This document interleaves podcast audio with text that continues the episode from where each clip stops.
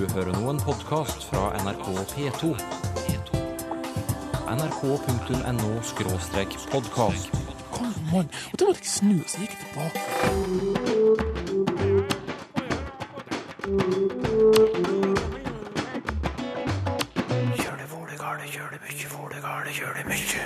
Slippe skjæret eller kaste dugg av rosen, nødvendig gjøremål, har mange navn.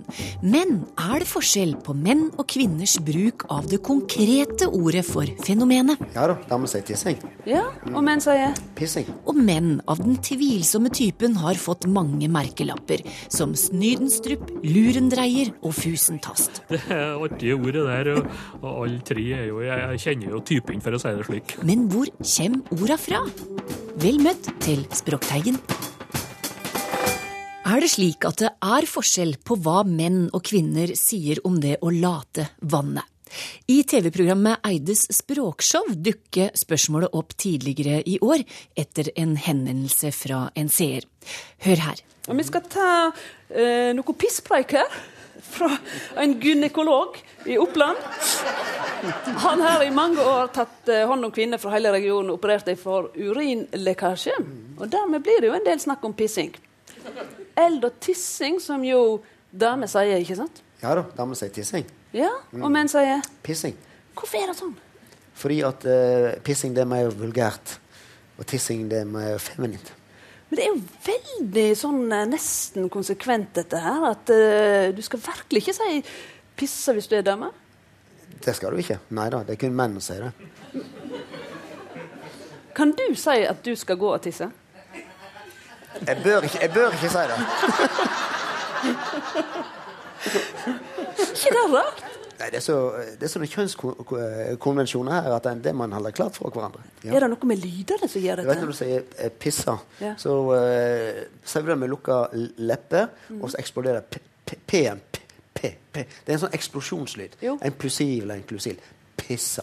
Mens når du sier sånn Mens når du sier tisser, sånn, så sier du det med mer åpne lepper, og du har tunga mot eh, ganen eller mot tennene, og da blir det sånn tisser. Så den, den er ikke sånn eksplosjonslyd. Den er ikke så mandig. Den er ikke så eh, kraftig som denne tissa. Den er mer eh, mjuk og eh, feminin.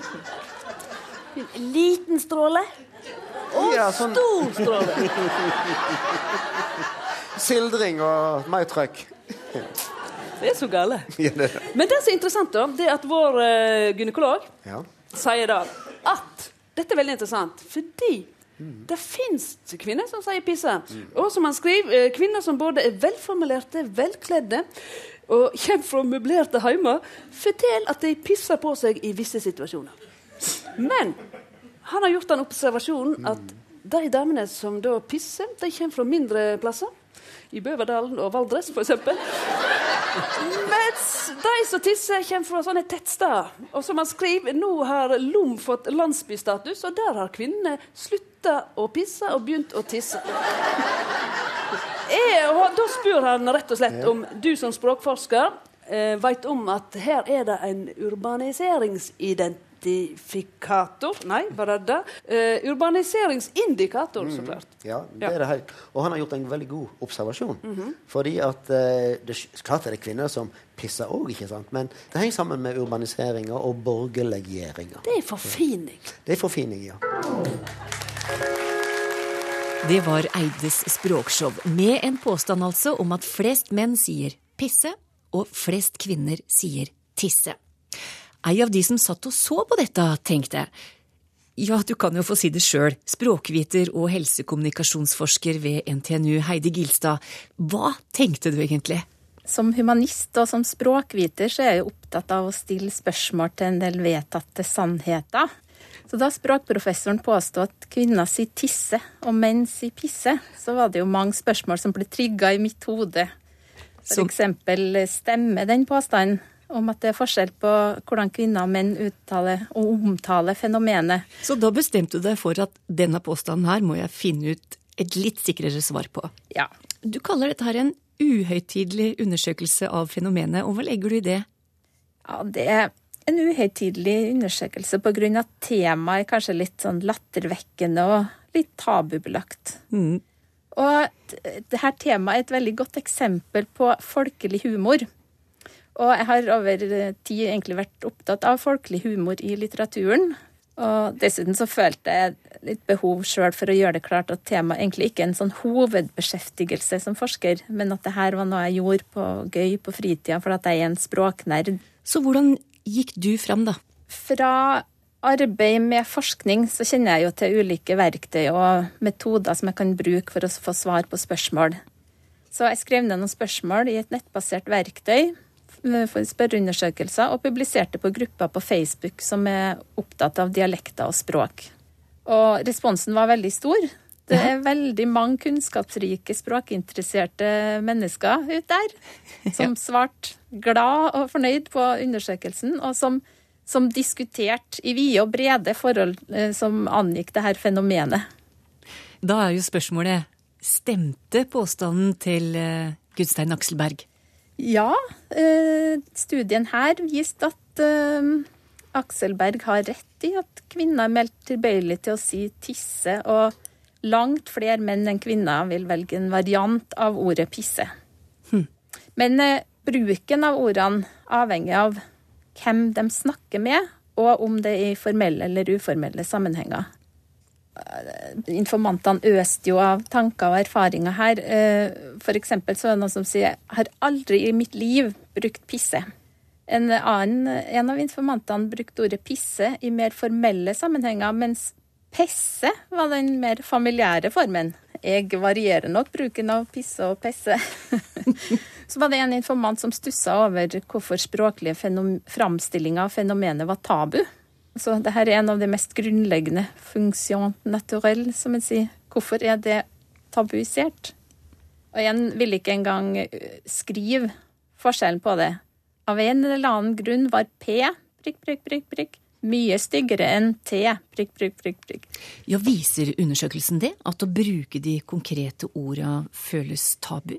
Ja, mange, mange, av begge kjønn ville velge et nøytralt uttrykk for å slippe å bruke noen av de her ordene. Og selv om dette er handlinger som alle mennesker utfører flere ganger per dag, og, så er det i ulike sammenhenger regna som tabu og vulgært å uttrykke det eksplisitt.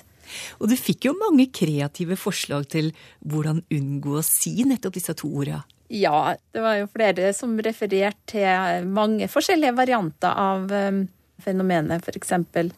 pudre nesen, eller en tur på avtrede, eller um, slippe skjæret. uh, kaste dugg av rosen. Forlate vannet. Lette på trykket. Tømme tanken. Skal ta meg en tur på kontoret. Skal poste et brev. Uh, ta en vannepause. Skal ut på tur. Men hvorfor i det hele tatt bruke tid på å undersøke ja, pisspreik, da, rett og slett?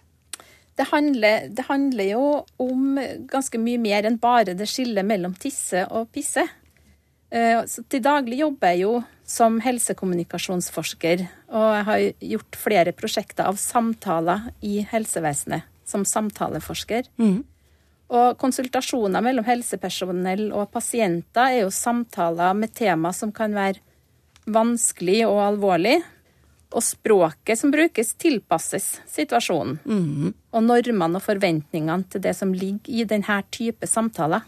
Og på sett og vis så kan man jo dra denne lille undersøkelsen inn og vise relevansen av det, fordi at ofte i, i, i samtaler med legen så kan man jo, ser man jo gjennom i forskninga at uh, pasienten frambringer det tabubelagte, eller det som er vanskeligst å snakke om, når de er på vei ut av konsultasjonen. Det kan òg være at de da har sittet og tenkt hvordan skal jeg fortelle om det her? Hvordan ord skal jeg bruke? Hvordan ord har legen brukt? Hvordan kan jeg liksom justere meg i forhold til det vokabularet som er akseptert? Skal jeg si pesse, eller skal jeg si vann, eller hva, hva skal jeg si? Hadde jeg snakka med, med søstera mi, så hadde jeg jo sagt det på én måte, men her er jeg en formell uh, samtale med en profesjonell. Mm. Da må jeg kanskje bruke et annet register. Det, det, er veldig viktig at helsepersonell har en bevissthet om eh, hvor vanskelig det kan være for en pasient å frambringe sitt ærend, som kanskje er veldig tabubelagt. Hvordan er det med deg sjøl, da? Syns du det er greit å prate om tissing og pissing? Nei. Jeg hører nok sjøl til den kategorien som eh, unngår å bruke de her ordene, så det er litt sånn paradoks at jeg sitter her og snakker om det, om det i et språkprogram. Men eh, når jeg får satt det i en litt sånn større sammenheng, så, så har det jo en viss relevans, og syns jo det var veldig, veldig artig å gjøre denne studien. Det sa språkviter og helsekommunikasjonsforsker Heidi Gilstad. Og hele undersøkelsen hennes finner du på forskning.no. Få blod på mølla Eller det han egentlig sa var Å holde tunga i rett munn å skille kvinten fra hveten, Å bite i det sure gresset. over grøten etter vann. hummer og kanel. I dag tar Georg Kjøll for seg et uttrykk der opprinnelsen er litt uklar. Slinger i valsen. Her er jeg faktisk litt grann, eh, usikker selv. Eh, Den forklaringen som vanligvis eh, gis på dette uttrykket, er at det handler om dans. Altså dansen vals, som har klare regler for hvordan den skal utføres, og den skal se litt den skal se mm, ryddig og fin ut. Og hvis du har slinger i valsen, så, så slingrer du fram og tilbake. Altså du, du er litt ustø, um, som er det det verbet opprinnelig betyr, da. Altså slinger. Um, og dermed så uh, gjør du ting ikke helt uh, etter boka. Du gjør det ikke helt uh, som det skal, og, og som, det, som det er forventet av deg. Så uttrykket handler om jeg si, å være litt uh, raus med, med hvilke regler som skal følges, og tillate litt uh, ulik oppførsel, eller uh, ja, altså vi snakker også om slingringsmonn. om man ikke klarer å beregne, få budsjettet helt å gå opp med, med helt på krona, så kan man tillate litt slingringsmonn som handler om, eh, handler om det samme. Da, at det er lov å, eh, å være litt ustø, eller ikke ha alt eh, helt presis alltid. Så eh, Man kan snakke om at man kan tillate slinger i valsen, men det er jo selvfølgelig også lov å ikke tillate slinger i valsen. Eh, og snakke om at eh, her må det skje etter boka, her må vi gjøre det ordentlig. Ja. Mens slingringsmonn eh, handler nettopp om dette må gi rom for at ting kan vakle litt. Og her er det eh, skipsfart som er opprinnelsen til det uttrykket. Så når et skip skulle legge til eh, kai, så var det ikke til å unngå at eh, det kom til å slingre litt fram og tilbake. Altså det trengte litt plass på, på hver side for ikke støtte borti noe. Og det er da dette slingringsmonnet som man må, man må tillate. Mm. Så det er slinger i valsen, altså, ikke slinger i valsen?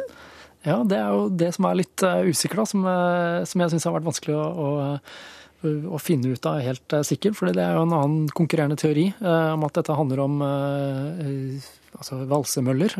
at du, når du skulle f.eks. valse korn, så kan jo også disse valsene ha slingre fram og tilbake. Men jo mer slinger, jo mer søl.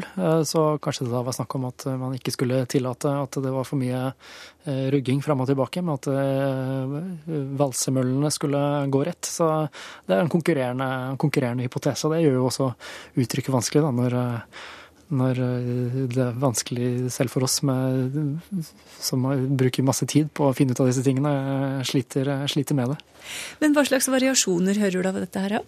Ja, Slinger er jo et lite brukt ord. Vi har det ja, som, som, vi har snakket om i, i slingringsmånen, og man kan snakke om at, at, at noe slingrer i dagligtalen også. Men du kan fort ende opp med at andre uttrykk eller andre ord blander seg inn her. Uh, og en variant er slyngler i valsen. Og da slyngel som i en skurkaktig person.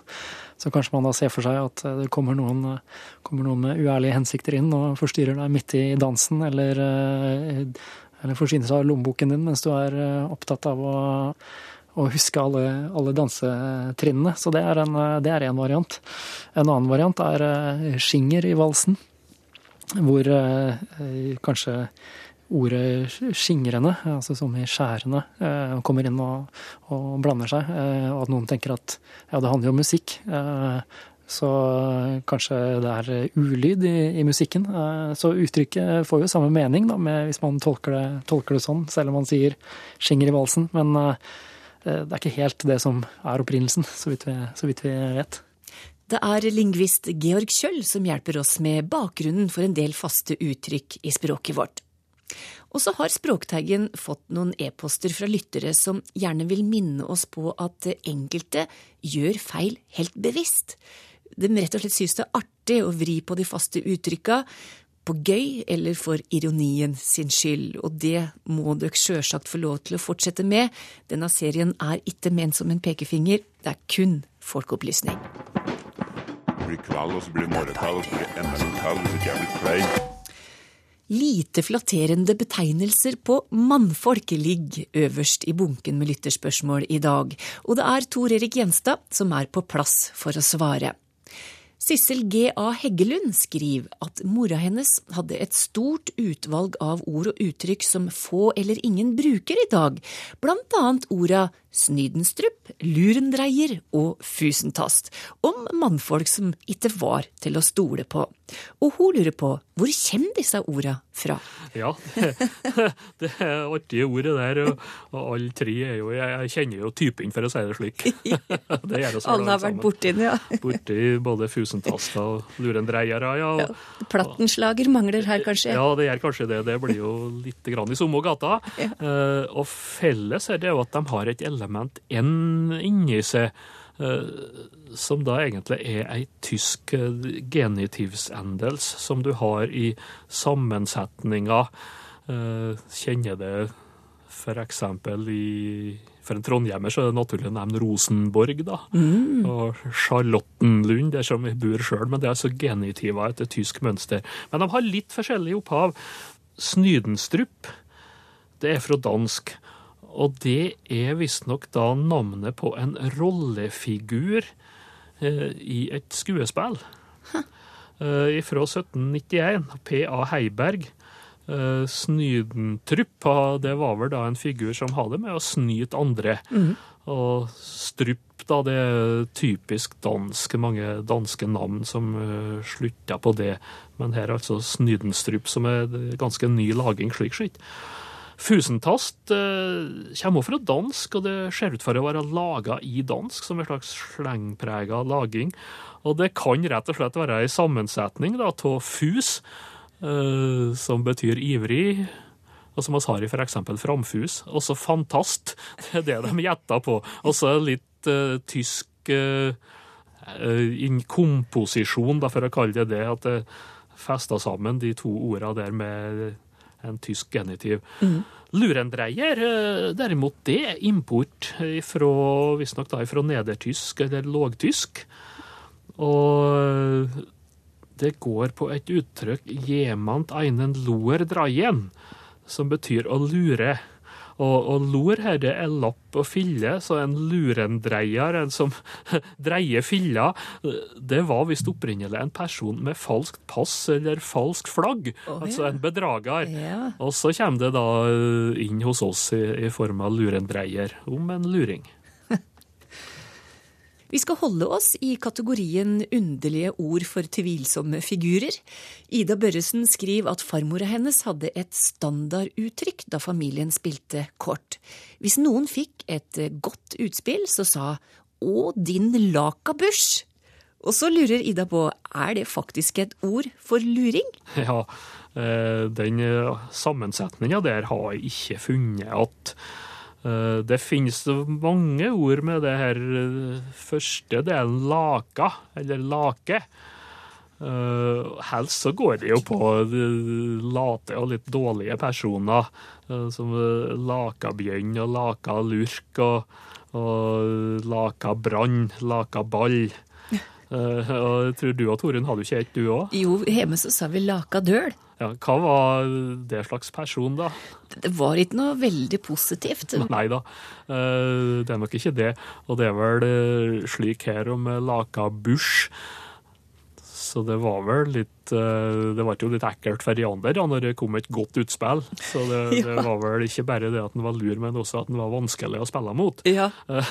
Og eh, nei, jeg har ikke funnet noe her på sistleddet, så det kan jo være ei spontan laging her. Jeg skal være forsiktig med å si.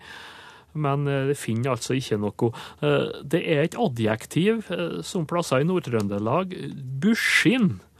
Eh, Det kan være buskint vær, og det kan være en buskint kar som er litt oflidd, men det skjer ikke noe umiddelbar sammenheng. Nei. Men laka, da? Er det knytta til fisken, eller? Nei, eh, det er et ord lake eller laka som betyr fille eller lapp. Så det er nok det som går inn i de her skjellsorda. Å ja. For jeg tenkte kanskje det var fisken, for den lakaen er jo ikke så veldig pen. Nei, den er jo ikke det, men her er det nok eh, heller den filla, ja. Ja. Har huk, som i å sitte på huk, gapa huk, huke tak i eller stedet huk, samme ordhistorie som hockey, spør Erling Andersen. Ja, nå spørs det jo hva slags hockey han tenker på. Jaha. Eh, eh, Er det det der hockey som vi har i ishockey, så eh, er det vel ikke noe direkte sammenheng, iallfall. For det er litt uvisst, men det er antagelig i slekt med hake. Altså i betydning krok. Og du, det, de fører det til et eh, litt eldre fransk hockey, som er en bøyd stav. Og det kan vel passe for så vidt med den ishockeykølla. Ja. Men hvis det er snakk om det her eh, hockey som uh, utforkjørerne, alpinistene, sitter i den stillinga der, så er det nok absolutt sammenheng. Ja, for de sitter jo på huk. De sitter på huk, og det er hockey som de bruker der, eh, det er jo fra tysk hokke. Og det går igjen til et verb hocken, som betyr å, å sitte på huk. Og da er det sammenheng med, med huk og, og huke seg. Og for den del navnet huk, da, eh, det betyr jo en skarp båge. eh, Og den badeplassen, da er det vel om et nes. Og, så der er det nok eh, helt klar språklig sammenheng. På Sør-Vestlandet så dukker disse orda opp flere steder i dialekt, i dialekter. Fenje, gjenje, steie og leie. Dette er det Leiv Hartley Andreassen som skriver. Han har hørt at vikinger overførte det til engelsk som I have laid there eller stayed there. Men kan det stemme, og blir orda brukt i andre dialekter, spør Leif Hartley. Ja, det er vel tvilsom akkurat den eh, sammenhengen med engelsk her. Eh, Det her er snakk om eh, perfektum particip-former. Og det er nok stort sett tilfeldig likhet. Eh, Altså det her å ha leie, eh, det er jo vanlig utvikling, vil være av den norrøne forma legit. Mer til vanlig palatalisering, og den er ganske mye utbredd, eh, iallfall noe lignende. Eh, og tilsvarende med gjenge gjenne og fenge, eh, som tilsvarer de norrøne formene gengit og fengit. Og ja, du har sjølsagt Sør-Vestlandet, men det er mange andre plasser. Eh, også over i litt konservative mål østafjells, med Hallingdalen, eh, Vest-Telemark, Setesdalen. Og Gjenne, eh, det går jo hele veien oppover Vestlandet, helt til Romsdalen. Og den som er litt faller litt utenom det her, det er jo den her steie Ja, av å stå. og den er jo nyutvikla, for norrønt så var det jo stadigt. Og, og du finner jo den at den har stae i som dialekter. Men uh, typen steie, da, etter norsk ordbok, det, det er ja, Agder. Og det går oppover Vestlandet her og der, helt uh, til og med Sunnmøre. Og så er den også belagt Nord-Østerdalen. Det er analogi, som å si. Det, det er mønster ifra andre eh, sterke verb, da. Å ha steie som partisipform, det har nok ikke noe å gjøre med engelsk stay. Eh, så verbet på engelsk, det er jo stand. Eh, og det engelske stay, eh, det er visst et helt annet ord som er lånt fra fransk. Så den likheten der, den er nok tilfeldig. Hvor kommer ordet molefonken fra, spør Marianne Kjerulf Aas.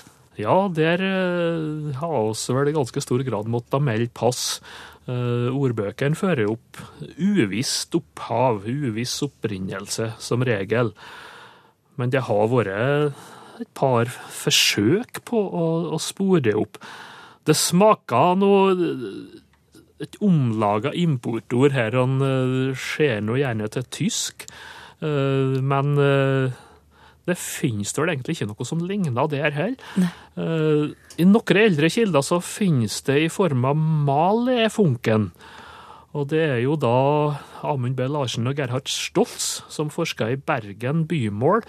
Eh, De har foreslått at det kan ha latin opphav, at det skal kunne gå tilbake på et male functus. eh, Eller litt lenger, male rebus suis functus, som da skal bety mislykka. At det har fungert dårlig, og at den da kan bli eh, mollefunken, litt mismodig over det. Men det her er helt uvisst, så vi må rett og slett innrømme at det her vet oss ikke sikkert. Men er det et ord som brukes over store deler av landet vårt? Ja, jeg tror nok det at det er mange som vil kjenne til det, ja. Men eh, det har kanskje litt gammelmodig dåm begynner å få etter hvert. Men for all del, mollefunken eh, har vært brukt mange plasser, ja. Jeg lurer på om ordet leiv, som gjerne blir brukt om et stykke lefse eller flappbrød, har noe med det engelske ordet loaf å gjøre. Og igjen om dette har noe med Oleif, som var navnet til oldefaren min, å gjøre. Det spør Hans Mikkel Melhus om. Ja, og det umiddelbare svaret er at eh, de to der har ikke direkte med hverandre å gjøre, altså Oleif. eh, Det er en variant eh, på Olav, og det kan vel være både gutta- og jentenavn, så vidt jeg vet, men det er sammensett. Så det leiv her, det betyr egentlig etterkommer eller arv. Så det er det som er leivt, som er altså etterkommer. Den her brødleiven, Ja. det er, det er riktig, det er jo etymologisk samme ord som det engelske loaf. Og, men det het på norrønt leiver med HL, og det viser seg jo i russisk klebb. Så det er ikke eh, iallfall felles germansk, og så er det vel lånt østover. Du har eh, finsk og leipe. Så det er nok eh, lån der, men et fellesgermansk ord, det her. Og også det her lefse er trolig avledd av leiv i sin tid. Se det. Takk til deg, Tor Erik Gjenstad. Og har du et spørsmål om språk, så er det bare å sende en e-post til oss. Teigen, krøllalfa, nrk.no. Du kan tvitre til oss, eller gå på Facebook, på NRK P2 sin side der. Du kan skrive på veggen, eller sende melding. Takk for i dag.